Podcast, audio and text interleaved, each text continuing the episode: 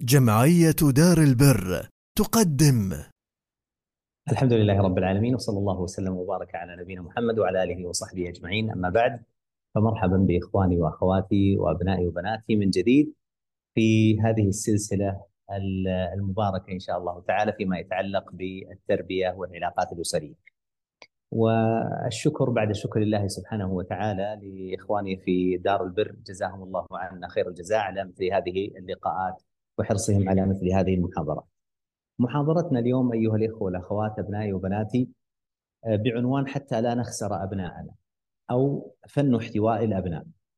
وقبل أن نتكلم في هذا الموضوع أيها الإخوة والأخوات أحب أن أعرف بمعنى احتواء الأولاد أو احتواء الأبناء وبالمناسبة اللفظ الذي ارى أنه أعم أن نقول فن احتواء الأولاد لأن الأولاد يشمل الذكر والأنثى أما إذا قلنا فن احتواء الأبناء فهذا فالأبناء يطلق على الذكور كما أن البنات تطلق على الإناث لكن الأمر سهل إن شاء الله تعالى فقبل أن نبدأ في الكلام في فن احتواء الأولاد في البداية لابد أن نعرف ما معنى احتواء الأولاد.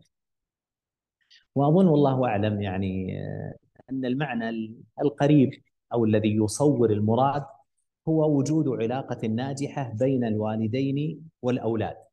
هذه العلاقة الناجحة تؤدي لتقبل الأولاد لوالديهم ونجاح العملية التربوية. هذا الذي نقصده باحتواء الأولاد أن تكون هنا هناك علاقة صحيحة صحية ناجحة بين الوالدين وبين أولادهم هذه العلاقة الصحية الناجحة الصحيحة تثمر وتؤدي إلى ماذا تؤدي إلى أن الوالدين يستطيعون تربية أولادهم التربية الصحيحة وهذا الاحتواء أي احتواء الوالدين لأولادهم ينقسم إلى قسمين أو إلى نوعين. النوع الأول هو الاحتواء العاطفي. أن يكون هناك علاقة عاطفية يستطيع الآباء والأمهات من خلالها التأثير في أولادهم وتربيتهم التربية الصحيحة. وكثير من المربين وكثير من الآباء والأمهات يركزون على هذا الجانب الاحتواء العاطفي. لكنهم يغفلون عن النوع الآخر الذي لا يقل أهمية عن الاحتواء العاطفي ألا وهو الاحتواء المعرفي أو الاحتواء الفكري بمعنى أن يكون عند الوالدين قدرة على إيجاد علاقة صحيحة فكرية تتعلق بالأفكار، تتعلق بالتصورات، تتعلق بالمعتقدات حتى يستطيع الآباء والأمهات أن يؤثروا في أفكار أولادهم، أن يؤثروا في تصوراتهم، أن يؤثروا في اعتقاداتهم بالطريقة الصحيحة. فلا بد للآباء والأمهات أن يعلموا أن الاحتواء لا يخص الأمور العاطفية، ما يخص بالشعور، ما يخص بالحب، ما يخص بالعلاقات الإنسانية كما يقال، وإنما أيضا هي تعم الاحتواء الفكري. أولادنا عندهم أفكار عندهم تصورات عندهم اعتقادات. جزء من أسباب عدم القدرة على تربية الأولاد التربية الصحيحة مع وجود الحب مع وجود العلاقة العاطفية مع وجود العلاقة الشعورية. السبب في ذلك أحيانا إهمال هذا الجانب ألا وهو الاحتواء الفكري الاحتواء العقلي الاحتواء ما يتعلق بالتصورات ما يتعلق بالاعتقادات. لذلك يمكن أن يوجد أولاد يحبون آبائهم يحبون أمهاتهم لكنهم منعزلين عنهم فكريا. الأب في ناحية والأم في ناحية والأولاد في ناحية فكريا. في تصوراتهم في اعتقاداتهم في أهدافهم إلى غير ذلك مما سيأتي إن شاء الله تعالى. أقول ذلك أيها الإخوة والأخوات لأننا اليوم في هذا الزمان نسأل الله سبحانه وتعالى أن يعطينا خيره ويكفينا شره. لم يعد الآباء والأمهات هم المؤثر الوحيد على أولادهم. اليوم كل واحد من أبنائنا ولا سيما في هذا الوقت صار يملك هذا الجهاز الذي يسمى الأجهزة الذكية بل ربما يكون يتعامل معه في سن مبكرة. بعض الآباء والأمهات ربما يمكنون الأولاد من يعني التعامل مع هذه الأجهزة في سن مبكرة أحيانا من السنة الأولى أو السنة الثانية أو الثالثة أو الرابعة. وهذا ليس محل كلامنا وسبق ولله الحمد والمنة كان عندنا آه، محاضرة أو أو محاضرتين تتعلق بكيف يتعامل أولادنا مع هذه الأجهزة ومع التقنية. ليس هذا محل بحث. لكن المهم أن نعلم أو أن يعلم الأب أو تعلم الأم أنهم لم يعودوا هم المؤثر الوحيد في أفكار أولادهم في تصورات أولادهم في اعتقادات أولادهم في عاطفة أولادهم في قلوب أولادهم في شعور أولادهم. هناك مؤثرات كثيرة من أهمها التقنية. لذلك يجب على الآباء والأمهات أن يعرفوا أن احتواء الأولاد يشمل هذين الركنين. احتواء الفكري احتواء العقلي احتواء التصورات الأفكار الاعتقادات. هذا نوع. النوع الثاني الاحتواء العاطفي احتواء المشاعر احتواء القلب وما وما يتعلق به في ذلك. أنتقل بعد ذلك أيها الإخوة والأخوات إلى أن أنبه إلى أن العلاقات بيننا وبين أولادنا مبنية في الغالب على ذكريات ومواقف. علاقة أولادنا بنا بل علاقاتنا بأي شيء في العالم مبنية على ذكريات ومواقف. مثلا يعني هذا ليس مخصوصا فقط بأولادنا لا هذا حتى حتى بالجمادات. يعني أضرب لكم مثال البيت. بيتك القديم الذي نشأت فيه لك علاقة به. تحن إليه وربما أحيانا لو تتذكر تضحك أحيانا تحزن أحيانا. هذه العلاقة بينك وبين هذا البيت عبارة عن ماذا؟ عبارة عن ذكريات ومواقف. هي التي تحدد علاقتك بهذا الشيء. محبة أو بغضا، فرحا أو حزنا، فأنت حينما تحب بيتك القديم، لماذا تحبه؟ لأنه يشتمل على ذكريات ومواقف جميلة مخزنة في ذاكرتك. تماما هذا يشمل علاقتنا بأولادنا، علاقة أولادنا بنا وعلاقتنا بأولادنا مبنية على الذكريات والمواقف إذا كانت علاقة ذكريات أبنائنا ومواقف أبنائنا معنا عبارة عن أشياء جميلة فإن علاقتنا ستكون بهم جميلة إن شاء الله تعالى. لذلك يجب على كل واحد منا أن يسأل نفسه كيف علاقته بأولاده وهذا ينبني أن يسأل كيف ذكريات أولاده معه؟ كيف مواقف أولاده معه؟ يعني بعض الأولاد ذكورا وإناثا يقول علاقتنا في البيت علاقة مكانية، كل واحد منا يملك نفس مفتاح البيت لكن للأسف كل واحد له أفكاره، كل واحد له تصوراته، كل واحد له اعتقاداته، كل واحد له عواطفه، كل واحد له اهتماماته، كل واحد له أهدافه. فهم وإن كانوا يسكنون في بيت واحد لكن ليس بينهم علاقة بسبب أنه ليس بينهم مواقف جميلة، ليس بينهم ذكريات جميلة فيا أيها الأب يا أيتها الأم لا يمكن أن تنشأ علاقة بينك وبين أولادك إلا إذا وجدت مواقف جميلة وذكريات جميلة كيف نحصل على هذه المواقف الجميلة؟ كيف نحصل على هذه الذكريات الجميلة؟ هو موضوعنا اليوم إن شاء الله تعالى. وقبل أن نتكلم عن هذا أيضا الموضوع لابد أن نعرج على لماذا نحن نتكلم عن هذا الموضوع؟ ما السبب في طرح مثل هذا الموضوع ألا وهو احتواء أو فن احتواء الأولاد. كيف نحتوي أفكارهم؟ كيف نحتوي عواطفهم؟ وأقول أيها الإخوة والأخوات أبنائي وبناتي أن السبب في طرح هذا الموضوع هو بسبب تقطع العلاقات بين كثير من الوالدين وأولادهم والعياذ بالله تجد مثل ما تقدم معنا الأب والأم في أفكار وتصورات واعتقادات وفي عواطف وعالم آخر من العواطف وأولادهم في عالم آخر من الأفكار والعواطف. ومثل ما أذكره دائما الشكوى دائما من الآباء والأمهات نحن في واد وأولادنا في واد. نحن حريصون على الصلاة وعلى الطاعة وعلى العبادة وأولادنا حريصون ربما حتى على المعاصي وعلى الذنوب وعلى الوقوع في ما يسخط الله عز وجل ما السبب السبب عدم وجود القدرة من الآباء والأمهات على احتواء أولادهم فكريا وعاطفيا. السبب الثاني الذي من أجله نتكلم عن هذا الموضوع ألا وهو فن احتواء الأولاد فكريا وعاطفيا وجود الاحتواء السلبي وجود الاحتواء السلبي ممن ليسوا أهلا للتربية ولا يستحقون أن يكونوا مربين لأولادنا. اليوم تخطف كثير من الأولاد من الأبناء والبنات تخطفهم المربون السلبيون الذين لا يستحقون التربية. ما الضابط ما المعيار في المربي اليوم؟ المعيار عند كثير من الأولاد من كثير من الأبناء والبنات المعيار هي الشهرة. المعيار هو المال، المعيار هو الجمال، المعيار هو اللباس، المعيار هو الس...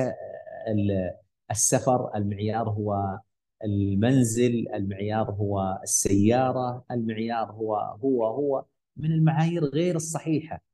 فلذلك هؤلاء استطاعوا أن يحتووا كثير من أبناء وبنات المجتمع، أن يحتووهم فكريا، أن يحتووهم عاطفيا، فوجود هذا الاحتواء السلبي يجعلنا نتكلم عن كيف نحتوي أولادنا احتواء ايجابيا. ما الذي يجعل الابن أو البنت طول اليوم يفكر في متابعة المشهور الفلاني وتقليده وحمل أفكاره ومحاكاته فكريا وسلوكيا وعاطفيا بينما مع والديه الذين هم السبب في وجوده بعد الله سبحانه وتعالى الذين هم يعني السبب في طعامه وشرابه ولباسه وسكنه وعلاجه وقبل ذلك السبب في وجوده لماذا لا ينظر إليهم هذه النظرة لا يعجب بهم لا بهم ولا بأفكارهم ولا باعتقاداتهم ولا بسلوكهم ولا بعواطفهم بل هم ربما محل السخرية والتندر والبغض والكراهية والعياذ بالله. هذا يجعلنا نتكلم عن هذا الموضوع بل ونؤكد الكلام عن هذا الموضوع. وأنتقل بعد ذلك إلى الجانب العملي الذي دائما أقول التربية ليست أمور نظرية. التربية ليست أمور مثل ما يقال تخيلية، ليست أمور مثالية، لا التربية تقوم على جانب فكري وجانب عملي.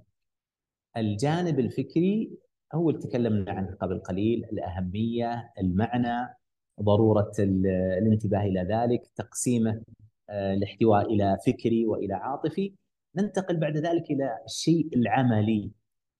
الآباء والأمهات دائما يقولون اعطنا شيء عملي. عطنا خطة عملية، عطنا استراتيجية، عطنا نقطة واحد اثنين ثلاثة أربعة. شبعنا من الكلام المطلق لذلك سأتكلم فيما يتعلق بالاحتواء الفكري والعاطفي بطريقة واحدة التخلية والتحلية. بمعنى هناك وسائل تدمر الاحتواء الفكري والعاطفي. يقابلها وسائل تؤدي إلى نجاح الاحتواء الفكري و والعاطفي. فحينما أذكر المدمرات أذكر ما يقابلها. عندنا تخلية يجب أن نتخلى عن هذه الوسائل التي تدمر الاحتواء الفكري والاحتواء العاطفي ومقابل ذلك وسائل تؤدي إلى نجاح الاحتواء الفكري والاحتواء العملي. أول هذه الوسائل في المدمرة للاحتواء العنف والقسوة المفرطة والمستمرة. يقابلها ماذا؟ يقابلها من الوسائل الصحيحة في الاحتواء الفكري والعاطفي الرفق.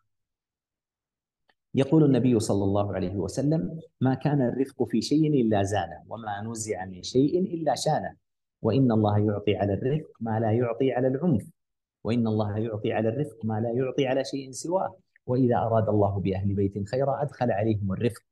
ويقول الله عز وجل للنبي صلى الله عليه وسلم فبما رحمة من الله لنت لهم ولو كنت فظا غليظ القلب لم فضوا من حولك. إذا القسوة المفرطة والعنف المفرط يؤدي إلى ماذا؟ يؤدي إلى نفور الأولاد يؤدي إلى بعدهم عن والديهم إلى البحث عن ماذا؟ عن من يرفق بهم فلا تكن سببا في بعد أولادك بالقسوة والعنف المفرط المستمر وهذا لا يعني أيها الآباء وأيها الأمهات أن لا يوجد حزم أن لا يوجد نظام أن لا يوجد ترتيب لا الرفق لا يعني لا يعني عدم وجود النظام عدم وجود القانون عدم وجود الترتيب عدم وجود الحزم. لا الرفق معناه أن يكون الأصل في في تربيتك وعلاقتك بأبنائك وعلاقة الزوجة بزوجها والزوج بزوجته أن يكون الأصل فيها الرفق اللين اللطف الحب الرحمة العفو المغفرة الصفح الكرم. كل هذه المعاني تدخل في الرفق الذي يقابل القسوة ويقابل الشدة. إذا كان النبي صلى الله عليه وسلم وهو خير المربين الذي أيده الله عز وجل بالآيات الكونية والشرعية واصحابه خير المتربين. ومع ذلك لو النبي صلى الله عليه وسلم استخدم معهم الشدة والقسوة والعنف سينفرون منه ولو كنت فظا غليظ القلب لانفضوا من حولك. كيف عاد ونحن الآباء والأمهات لسنا بأفضل المربين وأولادنا وأولادنا ليسوا بأفضل المتربين. الأمر الثاني فيما يتعلق بالاحتواء أو الأسباب المدمرة للاحتواء النقد الدائم أو اللوم الدائم. ما الفرق بين النقد واللوم؟ النقد يكون للصفات أنت غبي أنت ما تفهم أنت ما تجيب خير. دائما ينقده في صفاته. أنت لا تحسن أنت لا تتعلم أنت وأنت ينقد صفاته. هذا النقد. طيب اللوم؟ اللوم متوجه على الأفعال.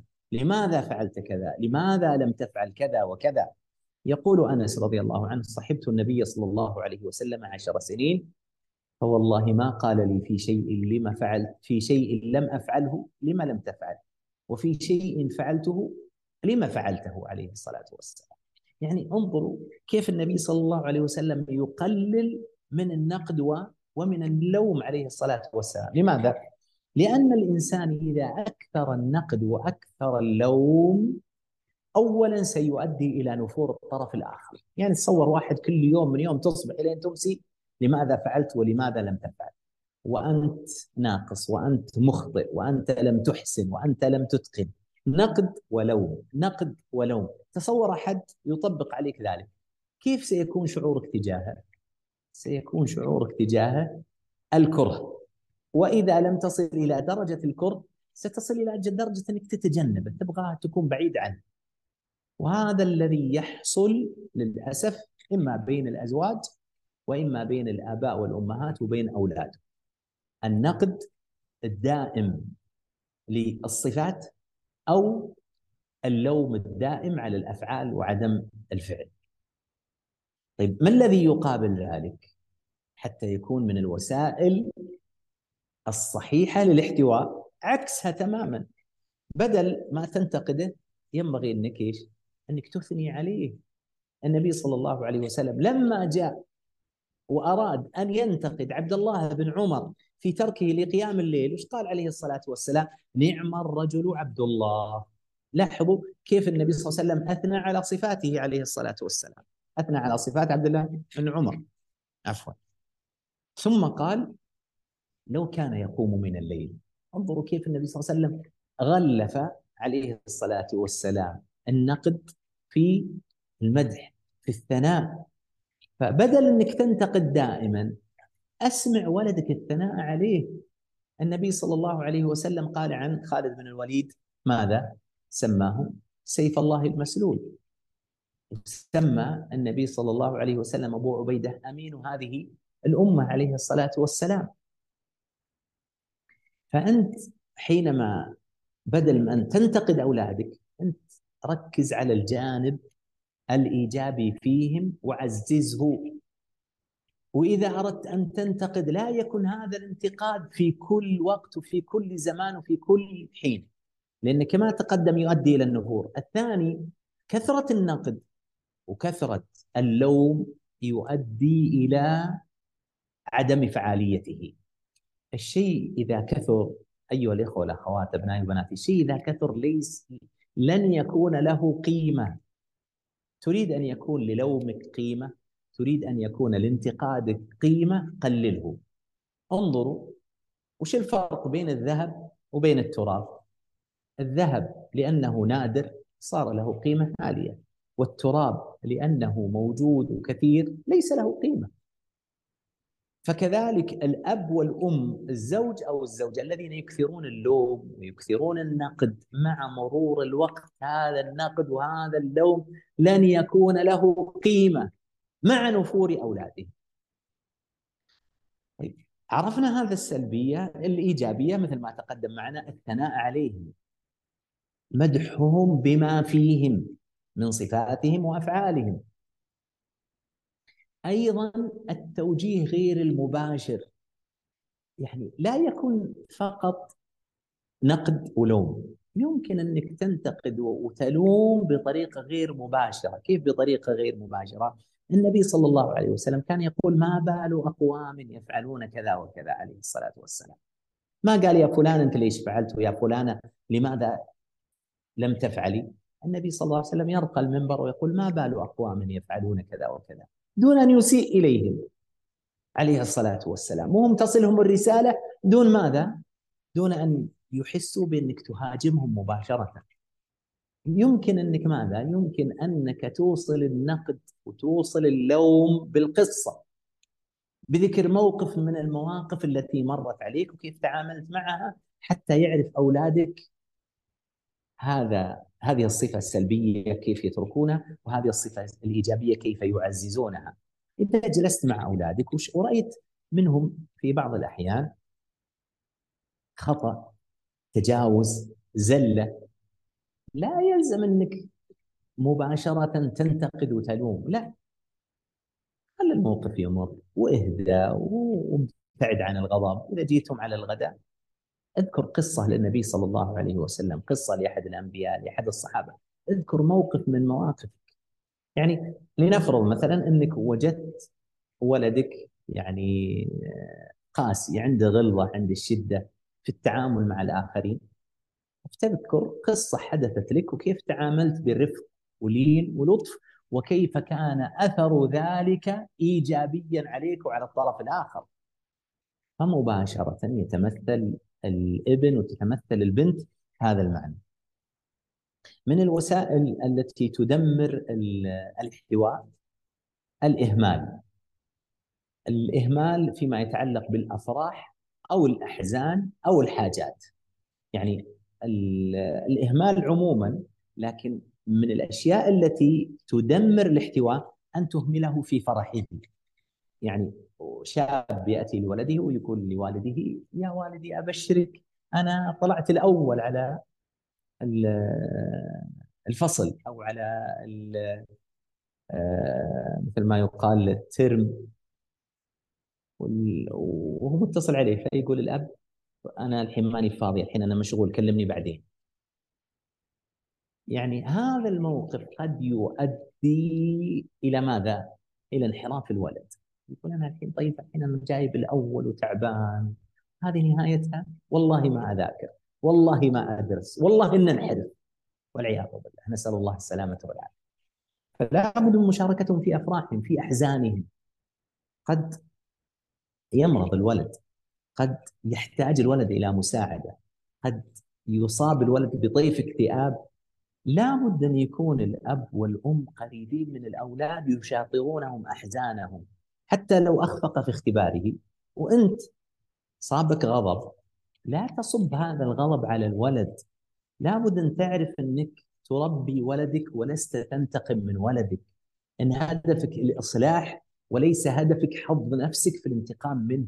حتى لو أخطأ لو زل لو أذنب ورأيت في حالة من الحزن ينبغي أنك حزين عليه أو غضبان منه. أن تدعمه أن تظهر مشاركتك له في أحزانه. فعندنا الأفراح وعندنا الأحزان عندنا الحاجات. أحيانا الولد قد يحتاج حاجة من الحاجات. يعني مثلا من الحاجات أنه يمرض مثلا. إذا مرض يحتاج أنك تكون واقف جنبه في مرضه. يحس أنك عضد له وسند في مرضه. إذا احتاج الذهاب للمستشفى إذا احتاج الذهاب للطبيب إذا احتاج مال قد يحتاج نظارة. قد يحتاج إنك تذاكر له قد يحتاج إنك تأتي له بمدرس يساعده. بمعنى أنك لابد ألا تهمل ولدك. طيب ما الذي يقابل الإهمال؟ الاهتمام. من أعظم أسباب الاحتواء الاهتمام بالأولاد. الاهتمام بهم فكريا والاهتمام بهم عاطفيا. لا تهمل أولادك فكريا. هل زرعت في أولادك الإيمان بالله والإيمان برسله وملائكته وكتبه واليوم الآخر والقدر خيره وشره؟ هل زرعت في أفكار أولادك وتصوراتهم واعتقاداتهم الخوف من الله عز وجل؟ هذا من الاهتمام.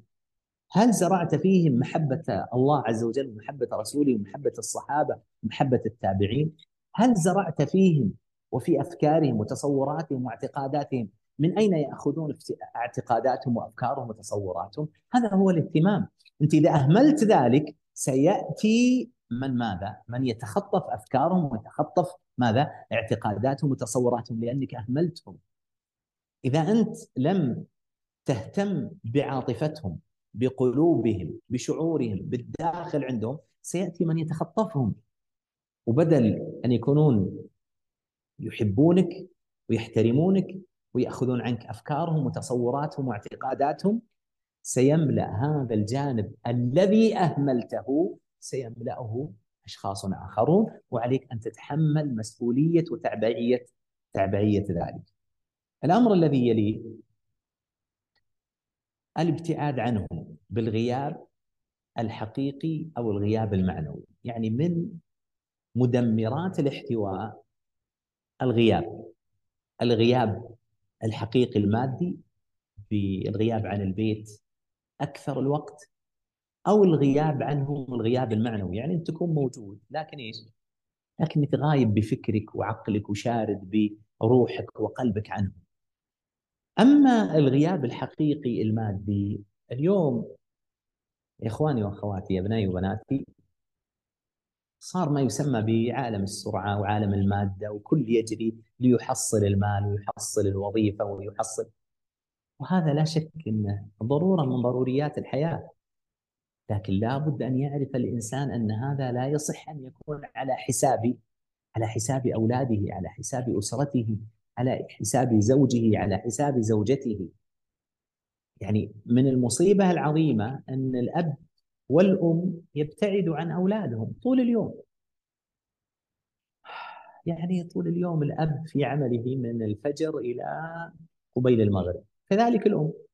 طيب إذا رجعوا كانوا غايبين ماديا وحسيا بسبب العمل. فلما وصلوا إلى البيت غابوا عن أولادهم غيابا معنويا. يجي الأب والأم وهم مثل ما يقولون طافين. ما عندهم أي قدرة على العطاء. كل واحد منهم مستلقي على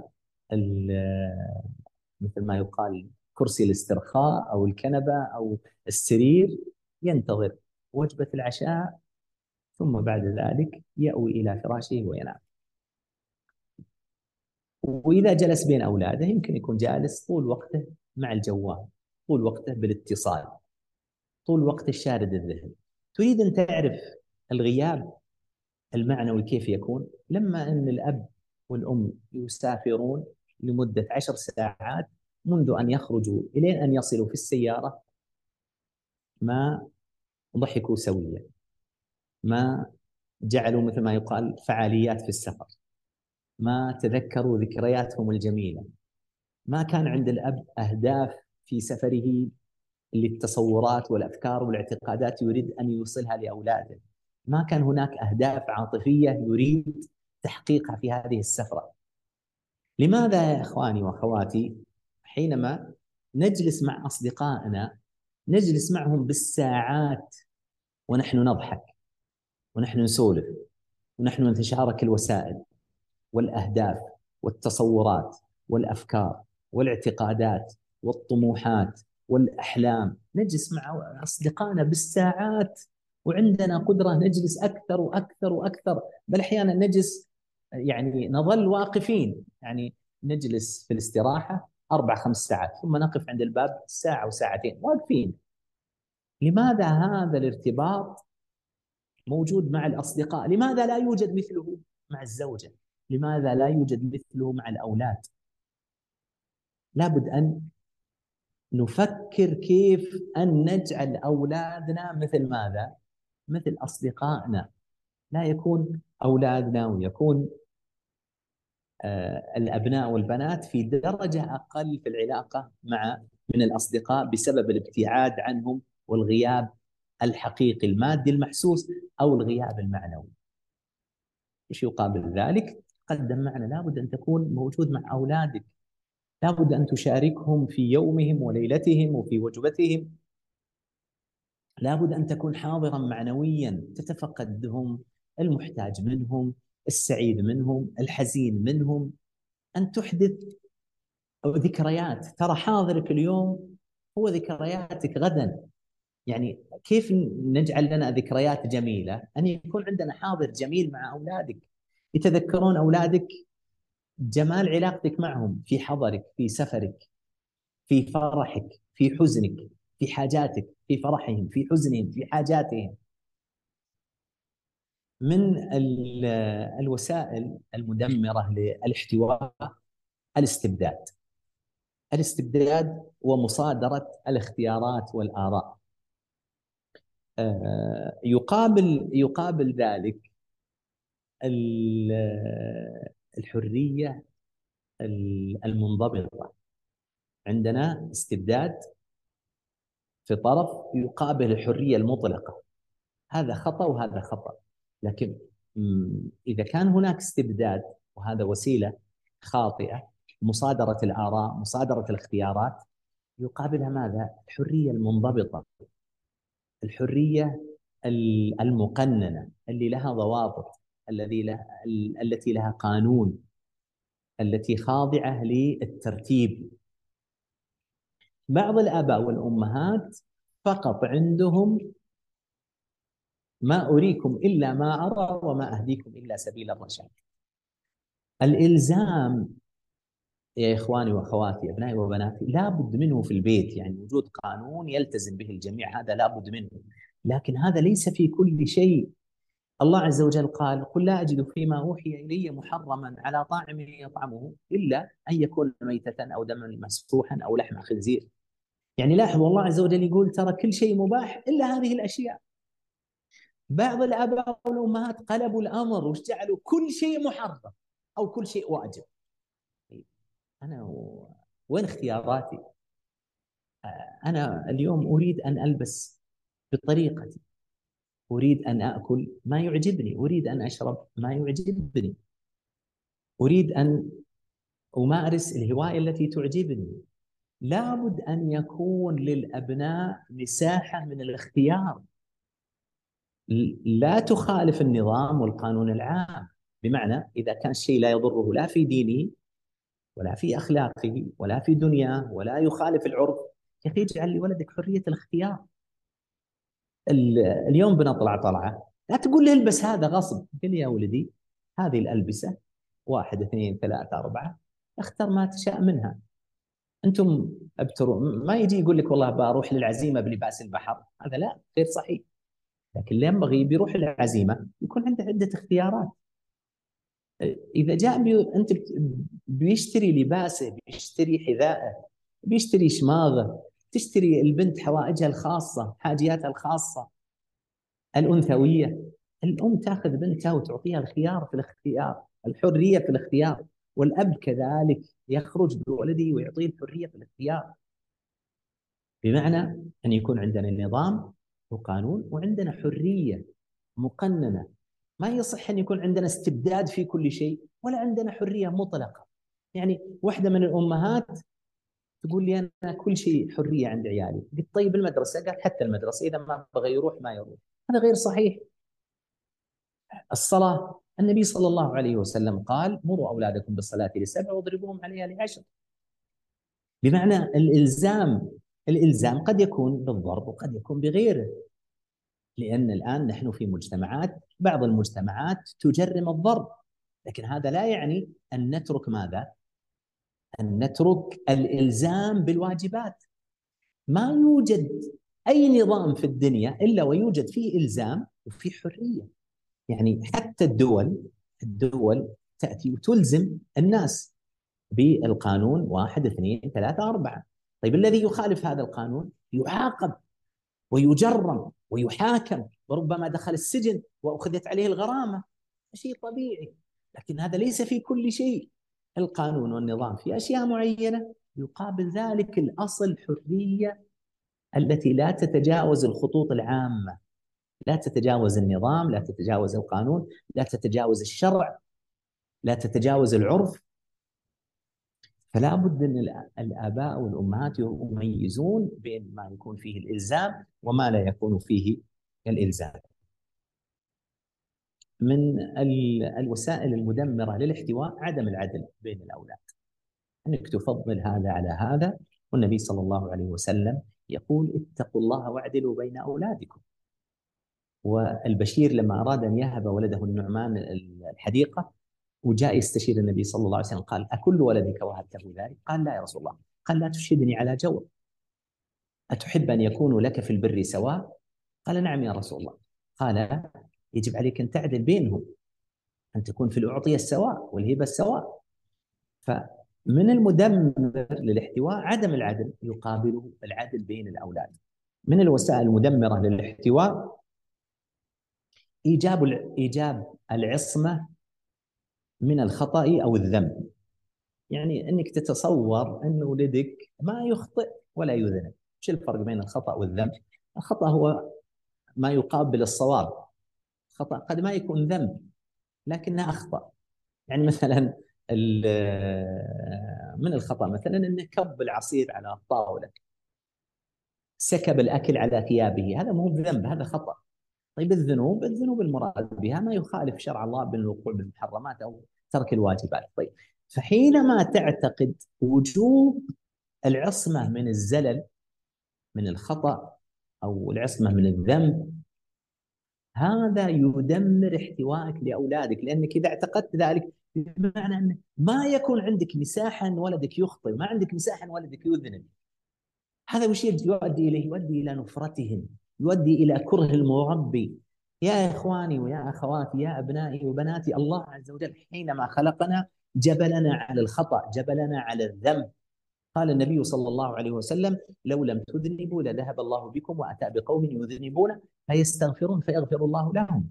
إذا كنا نحن المربين نخطئ ونذنب ونزل كيف ما نتصور أن أولادنا الذين هم أقل منا عقولا وأقل منا علما وأقل منا تجربة لا يمكن أن يخطئوا؟ لابد أن يكون عندنا مساحة لأبنائنا في الخطأ لابد عندنا مساحة أنهم يذنبون. ولابد أن هنا أن ننبه إلى أن هناك مصطلح اليوم أني أتقبل الذنب أولادي أتقبل خطأ أولادي. هذه اللفظة وهذا المصطلح تدل على معنى صحيح ومعنى باطل. المعنى الصحيح أتقبل يعني أتصور من ولدي إنه بيخطئ. أتصور من ولدي إن ولدي بيذنب هذا شيء طبيعي. هذا تقبله نعم. لكن يتقبل بمعنى إني أرضى بالخطأ وأرضى بالذنب ولا أغيره ولا أسعى إلى تغييره وإني أقبل بأنه يبقى على خطئه وزلله وذنبه. لا هذا غير صحيح. هذا موجود عند الغرب لكن نحن عندنا المسلمين من رأى منكرا فليغيره بيده فإن لم يستطع فبلسانه فإن لم يستطع فبقلبه وذلك أضعف الإيمان.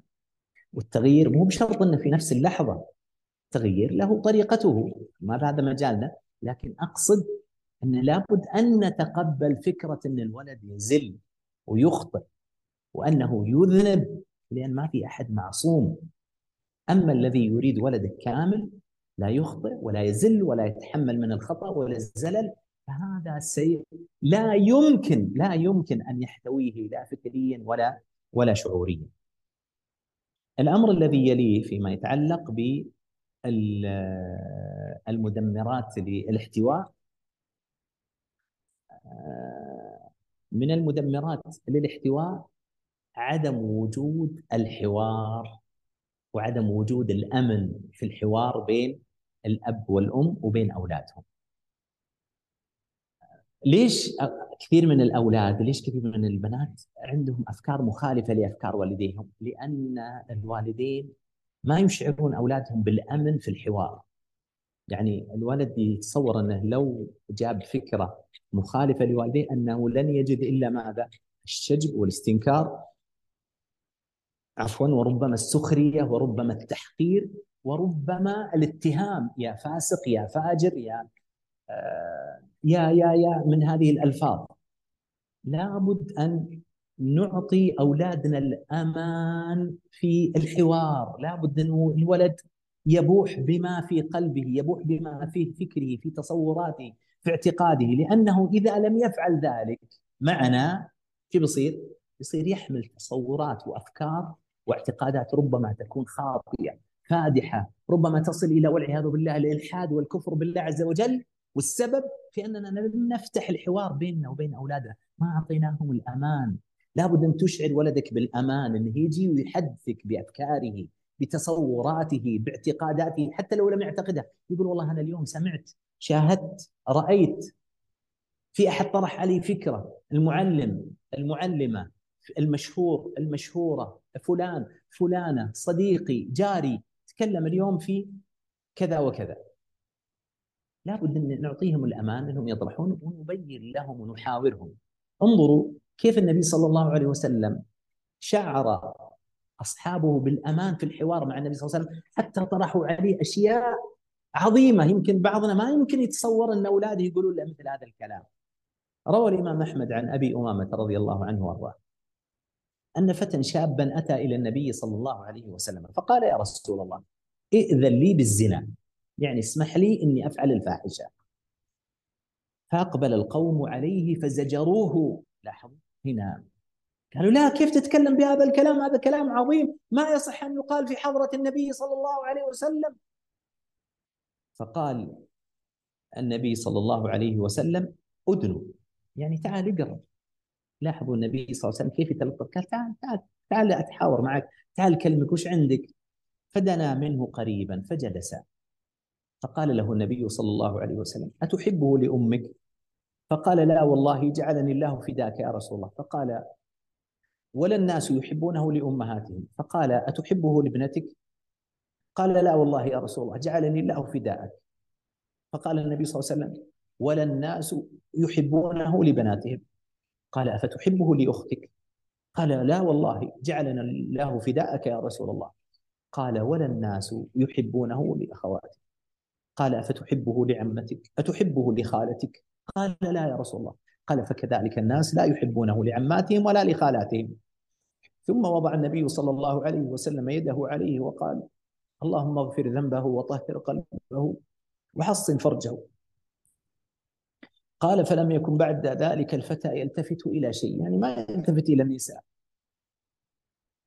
يعني انظروا رحمة النبي صلى الله عليه وسلم بالصحابي الذي يطلب هذا الطلب العظيم.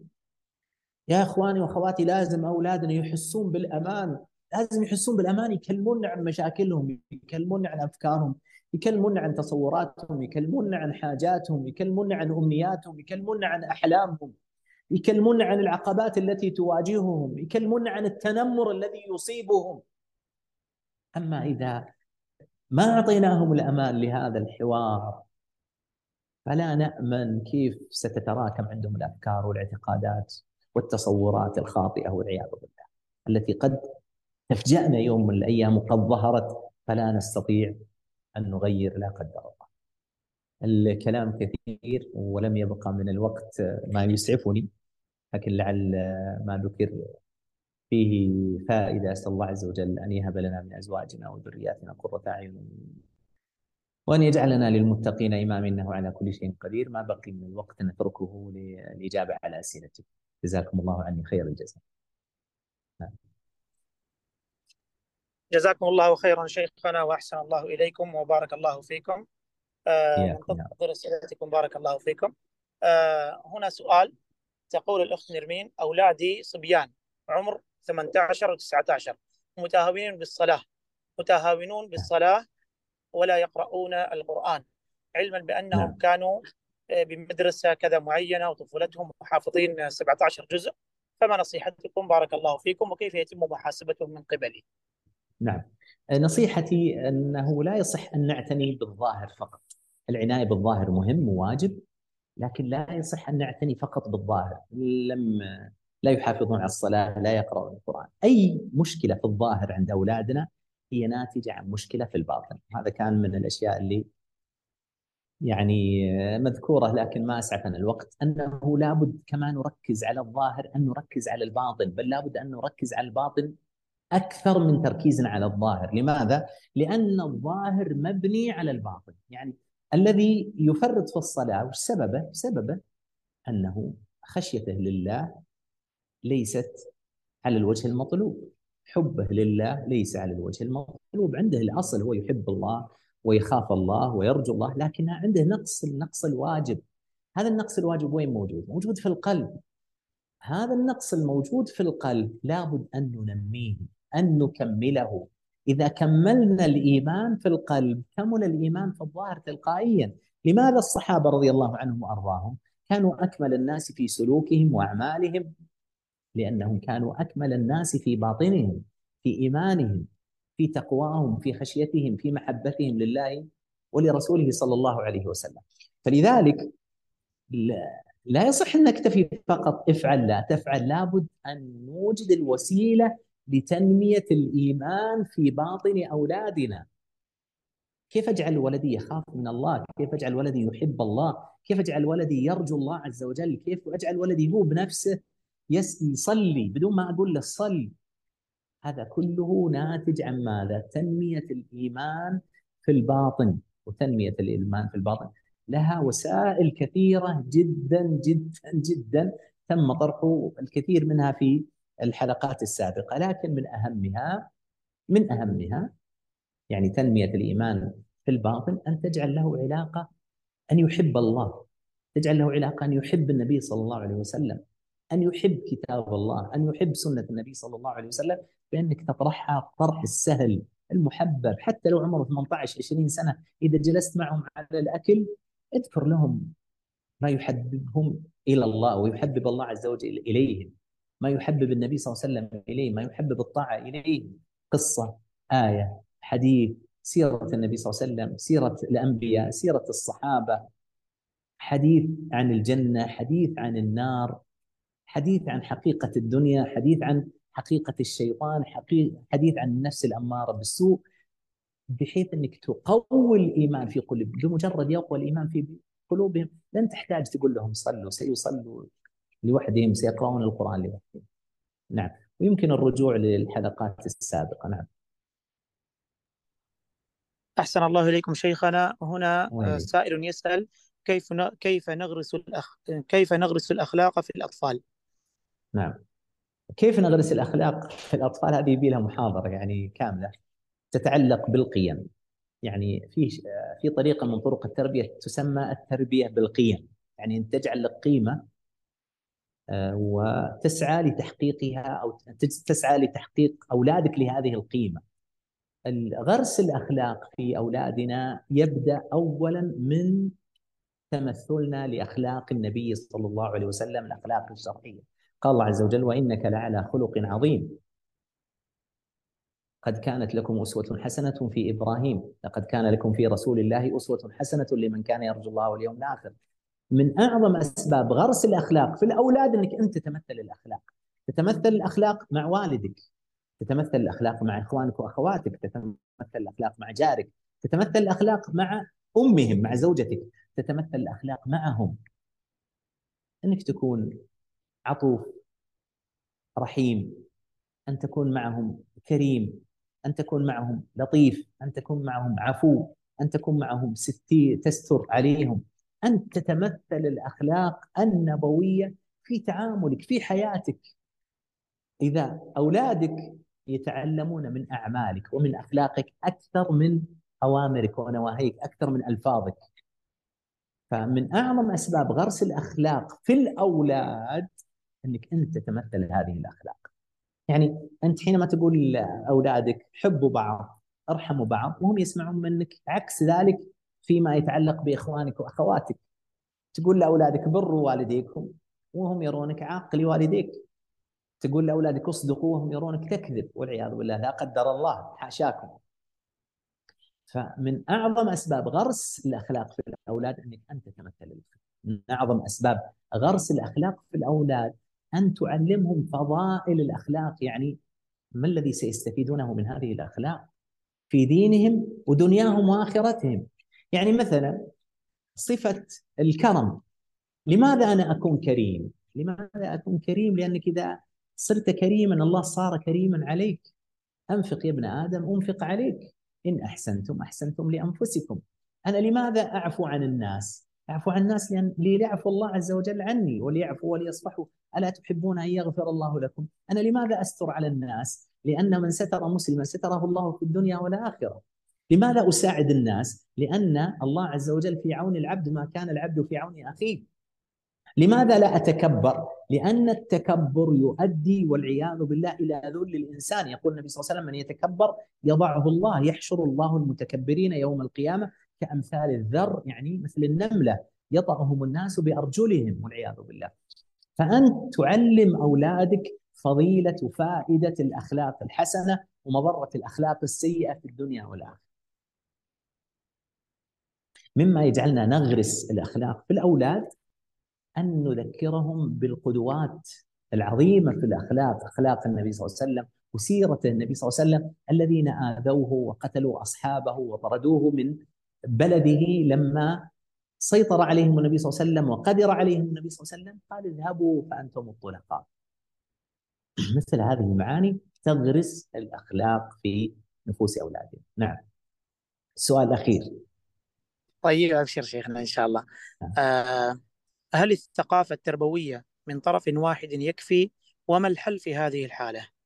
نعم الثقافة التربوية سواء كان من طرف الأب أو الأم لا شك أنها في الأصل لا تكفي لكن قد يبتلى الإنسان أحيانا قد غياب الأب بسبب الموت أو بسبب العمل أو بسبب السفر والغربة أو غياب الأم بسبب الموت أو السفر أو الغربة يعني نحن نشاهد آباء يسافرون ويتركون أبنائهم. يعني منذ أن يولد الولد والأب غير موجود. ما يجي الأب إلا لما يبلغ الستين ويتقاعد. يكون الأبناء قد كبروا. بل أني رأيت صورة يعني مؤثرة يعني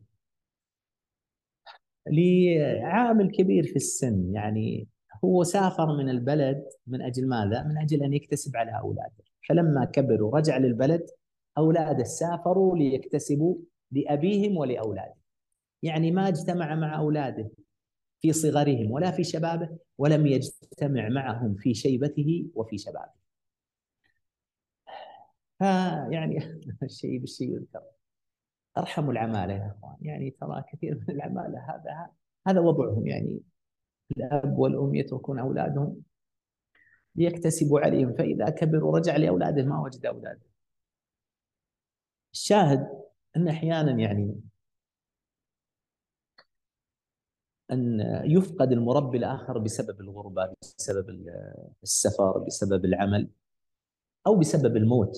يعني قد يتيتم من جهة أبيه أو من جهة أمه أو قد يكون موجود لكنه لا يعتني بالتربية. يوجد أب وموجود لكنه مفقود. معنويا أو توجد الأم لكنها مفقودة هذا لا يقوم بالتربية أو هذه لا تقوم بالتربية. هذه مشكلة ولا شك وتضعف الجانب الآخر لكن ليس هذا مستحيل يعني لا يعني وجود المعضلة وجود المشكلة لا يعني الاستسلام لا. النبي صلى الله عليه وسلم أفضل الخلق نشأ يتيم الأب والأم عليه الصلاة والسلام. كثير من العظماء مثل الإمام أحمد من الذي رباه؟ ربته أمه. كثير من العظماء كان قد فقد أحد شقي التربية. عيسى عليه الصلاة والسلام أمه مريم رضي الله عنها وعليها الصلاة والسلام. فالمقصود أنه نعم فقد أحد جانبي أو ركني التربية الأب والأم حسيا أو معنويا. لا شك أنه يضعف التربية لكن هذا لا يعني الاستسلام لا يعني الفشل لا هذا غير صحيح. توجد من الوسائل وأعظمها الدعاء. أعظمها الاستعانة بالله عز وجل فمن وجد الله ماذا فقد؟ ومن فقد الله ماذا وجد؟ إذا كان الله معك لا حول ولا قوة إلا بالله وأفوض أمري إلى الله حسبي الله ونعم الوكيل. إنما أشكو بثي وحزني إلى الله. رب إني لما أنزلت إلي من خير فقير. لا إله إلا أنت سبحانك إني كنت من الظالمين. اللهم رحمتك أرجو فلا أتكلني إلى نفسي طرفة عين. وأصلح لي شأني كله لا إله إلا أنت الله الله ربي لا أشرك به شيئا كل هذه الأدعية تجعلك في أمان وفي ذمة الله وفي إعانة الله وفي توفيق الله وفي قوة الله سبحانه وتعالى. نعم. جزاكم الله خيرا شيخنا وأحسن الله إليكم وإياك. وبارك الله فيكم. وفيكم بارك والشكر لله عز وجل ثم لكم وللإخوة والأخوات الذين أتحفوني وشرفوني بان اتواصل معهم في هذه الساعة المباركة.